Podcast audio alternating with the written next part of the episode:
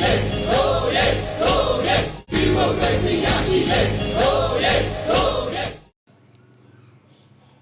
ဋိပက္ခများအတွင်ပြည်သူများဘေးရန်တွေအတွက်ကြိုတင်ပြင်ဆင်နိုင်ရန်အချက်များအပိုင်းနှစ်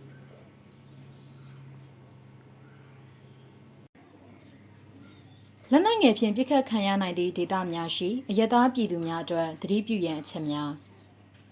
လက်နက်ငယ်ပြစ်ခတ်သည့်နေရာများတွင်ကွန်ကရစ်နေအိမ်ဖြစ်ပါက နေအိမ်ဤအတွင်းပိုင်းအကြဆုံးနှင့်လုံခြုံဆုံးအခန်းတစ်ခုကိုသတ်မှတ်ထားရန်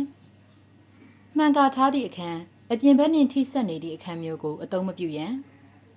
ဖြစ်နိုင်မှာကအဆိုပါအခန်းတွင်စံအိမ်များတဲအိမ်များဘီလက်မြေအိမ်များစသည်တို့ကိုအသုံးပြု၍ပုံအောင်စရာနေရာဖန်တီးထားရန်ပြစ်ခတ်တံများအဆက်မပြတ်ကြားရပါကခိုင်ခန့်သည့်ကတင်စပွဲများအောက်တွင်အကာအကွယ်ယူ၍ပုံအောင်ရန်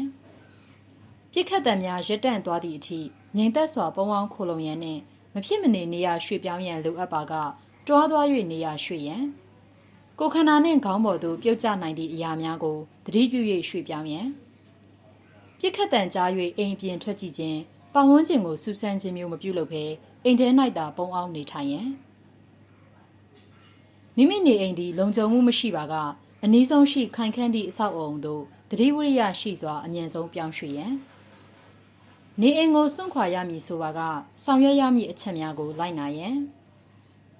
မိမိနေအိမ်သည်အဝင်အထွက်လမ်းမကျော်တွင်တည်ရှိပါကလုံခြုံရေးကိုပုံမွေ၍ဂရုစိုက်ပြင်ဆင်ရန်